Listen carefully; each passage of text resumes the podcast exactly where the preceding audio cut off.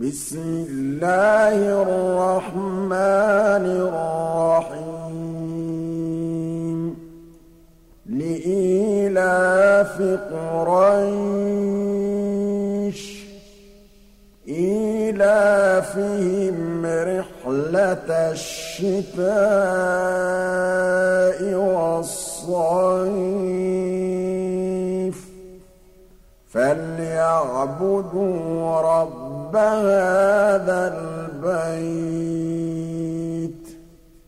الذي أطعمهم من جوع وآمنهم من خوف.